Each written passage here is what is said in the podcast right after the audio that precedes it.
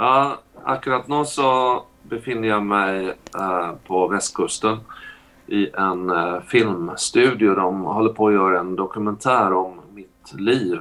Och du fortäller också att du har haft möte i riksdagen idag, eller i kommittén? Jo, jag har haft eh, möte med kulturkommittén här på morgonen och har ytterligare ett möte lite senare idag i politiken. Så det, det händer saker hela tiden. Ja. Det, det, det är härligt. Det är härligt. Och inemellan så tar du dig tid till att, att snacka med oss. Väldigt käckt, Roland Utbult. Du har gett ut många plattor, och det är väl ingen som har gått i ungdomskor i Norge på 80-90-talet som inte hade med minst en sång av dina på repertoaret. Vad är det som har varit inspiration för dig när du har skrivit sånger? Ja, det är musikaliskt eh, så är det ju några personer då. Det, framförallt är det väl en kvinna som heter Carol King ja. från USA som har inspirerat mig när det gäller melodier men jag är också inspirerad av Billy Joel och, och andra sådana här som jag tycker är väldigt duktiga, Van Morrison och så vidare. Uh, så det är musikaliskt och jag har hämtat inspiration utifrån om man säger så. Mm. Och sen när det gäller texter så har det varit mycket eh, utifrån mitt eget inre reflektioner som jag har mm. på det som händer i livet och, och sen är jag intresserad av poesi, även om jag inte skriver poesi på det sättet. Men eh, formulera ord och, och, tankar. Så att eh, jag tycker nog att texterna är väldigt mycket från mitt eget hjärta. Du, vad betyder sången och musiken personligt för dig i kristenlivet ditt? Ja, det betyder ju väldigt mycket för att ge uttryck för den tro som jag har och eh, formulera också min tro, vilket kan vara viktigt. Och ett sätt att göra det är att skriva sånger mm. eller skriva dikter eller på annat sätt uh, uttrycka sig. Så att för mig har sången och musiken då betytt väldigt mycket uh, i min möjlighet att formulera min tro. Du sa lite vem som inspirerat dig. Har stilen din ändrat sig över åren? Du gav faktiskt ut din första platta när jag blev född. När var det sa du? Ja, 1972, stämmer inte det? Ja. Ja.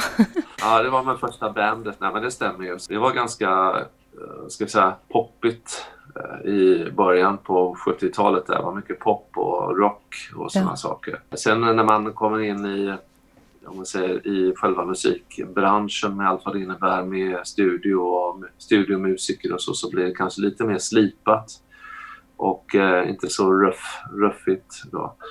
Uh, så att Eh, man kan väl säga att musiken har utvecklats under årens lopp. Jag hade en plata 1979 som eh, kallades för den första kristna discoplaten. Ja. den, eh, och det var ju väldigt spännande. Det var, en, det var många som reagerade mot det där.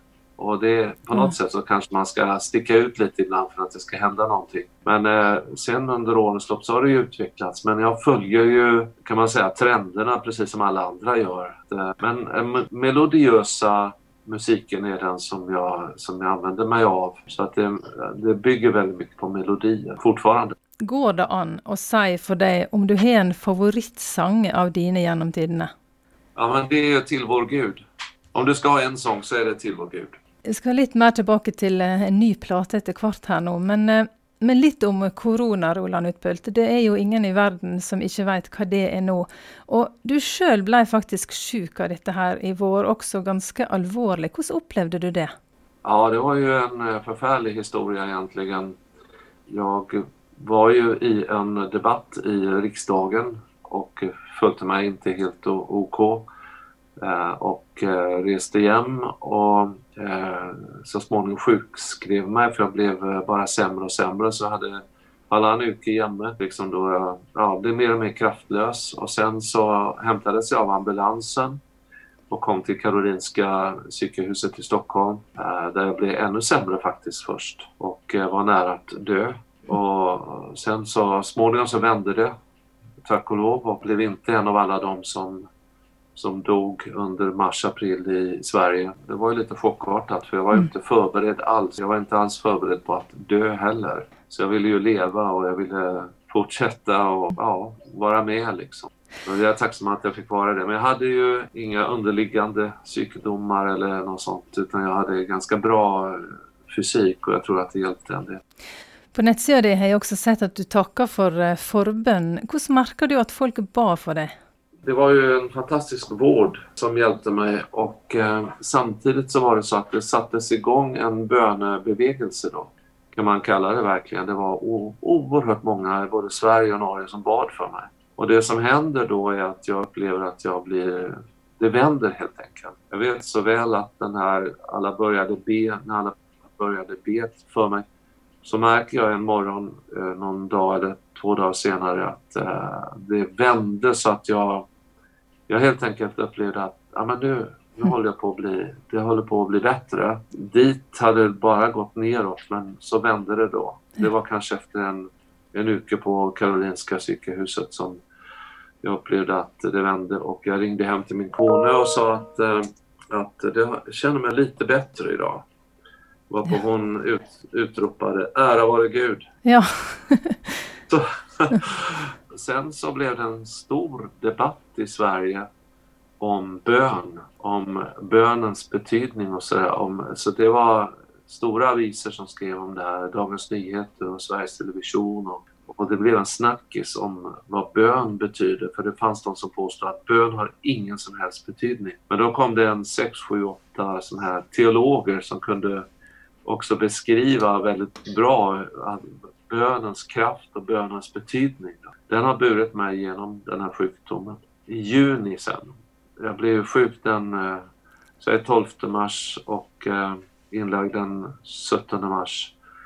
Eh, men jag var friskförklarad i mitten på juni och sen har jag då tränat mig upp fysiskt. Då. Nu känner jag mig helt frisk och det är jag väldigt tacksam för. Så du blir rätt och slett ett vittnesbörd om bönesvar också du uppe i det? Det blev väldigt starkt. Mm. Väldigt starkt vittnesbörd för väldigt många. Du Roland Utbult, du er jo ikke bare artist, altså. Du er politiker, som også tidligere nevnt, og med i Riksdagen i Sverige.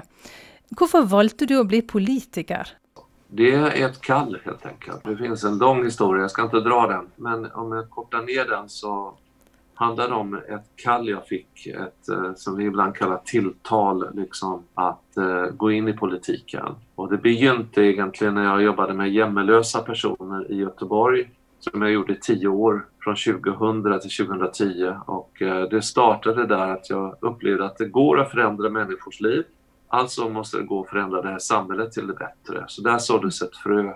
Och sen utvecklades det här med olika personer som kom och sa saker till mig att jag skulle gå in i politiken. Och det tog lång tid innan jag trodde att det skulle vara någonting som jag skulle satsa på. Men så gjorde jag det. Så 2005 ungefär gick jag in i, eh, i, i politiken. Mm. Och sen så kom jag till riksdagen 2010 och där har jag varit sedan dess.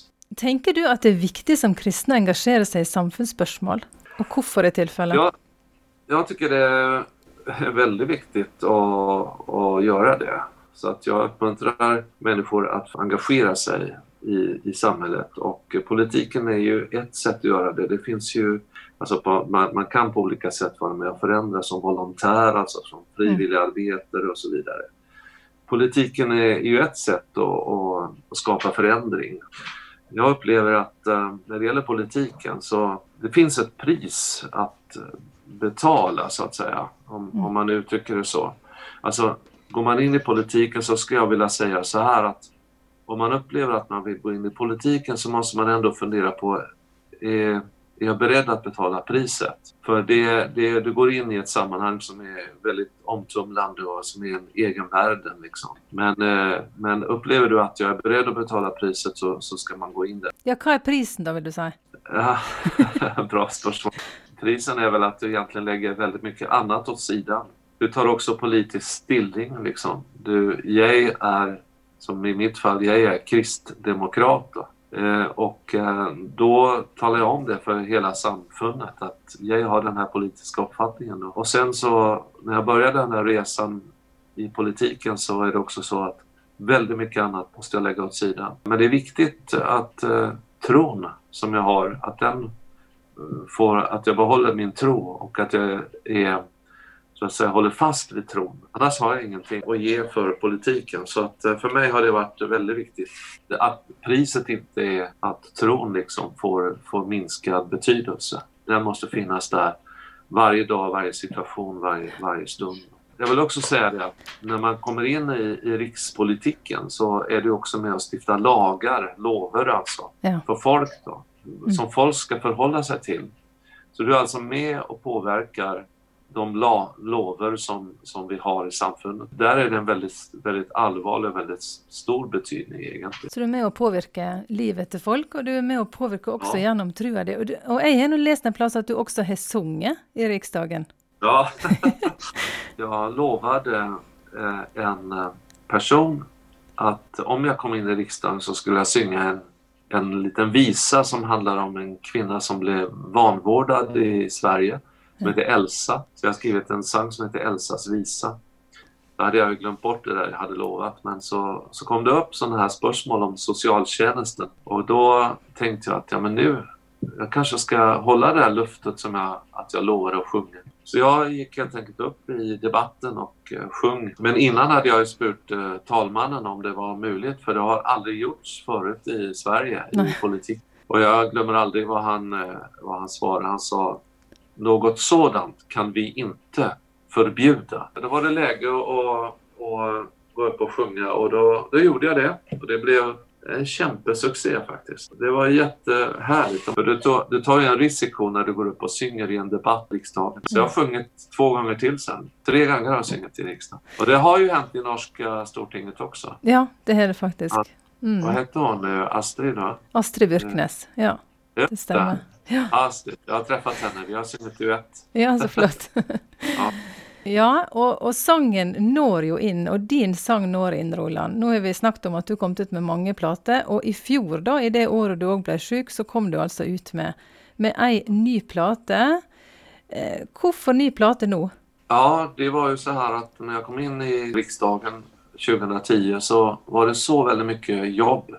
Så att jag skrev inga sånger mellan 2010 och, och 2016 under sex års tid för att jag bara jobbar, jobbar, jobbar liksom och sen då när jag fick möjlighet att komma in i kulturkommittén i, i riksdagen så då, då började det flöda igen på något sätt. Jag fick väldigt mycket kontakter med kulturarbetare och sånt där. Så att jag, det började liksom flöda också och eh, då, då hade jag väldigt mycket tankar om eh, texter och så under de här åren som ändå hade lagrat sig lite grann. Så jag började skriva sånger igen och det var fantastiskt att uppleva det, liksom, att det flödade på nytt. Då. Sen hade min son Karl eh, har bott i Nashville med sin familj under eh, tre månader och skapade då kontakter med musiker där eftersom han är musikproducent. Och så. så att eh, vi åkte över till Nashville för två och ett halvt år sedan. Spelade in tio nya sånger då. Och sen har vi jobbat med dem där. Jag har jobbat med texterna och eh, jag spelade in allting innan jag drabbades av corona. Så slutförde Karl Eh, produktionen när jag låg psyk. Och sen så gav vi ut den i, i juni i förra året. Då. Det blev en fantastisk eh, upplevelse av att Gud verkligen håller allt i sin hand där. Så jag hade sjungit in allting innan jag blev sjuk och sen så blev allting klart till sommaren. Då. Att det var en stor upplevelse.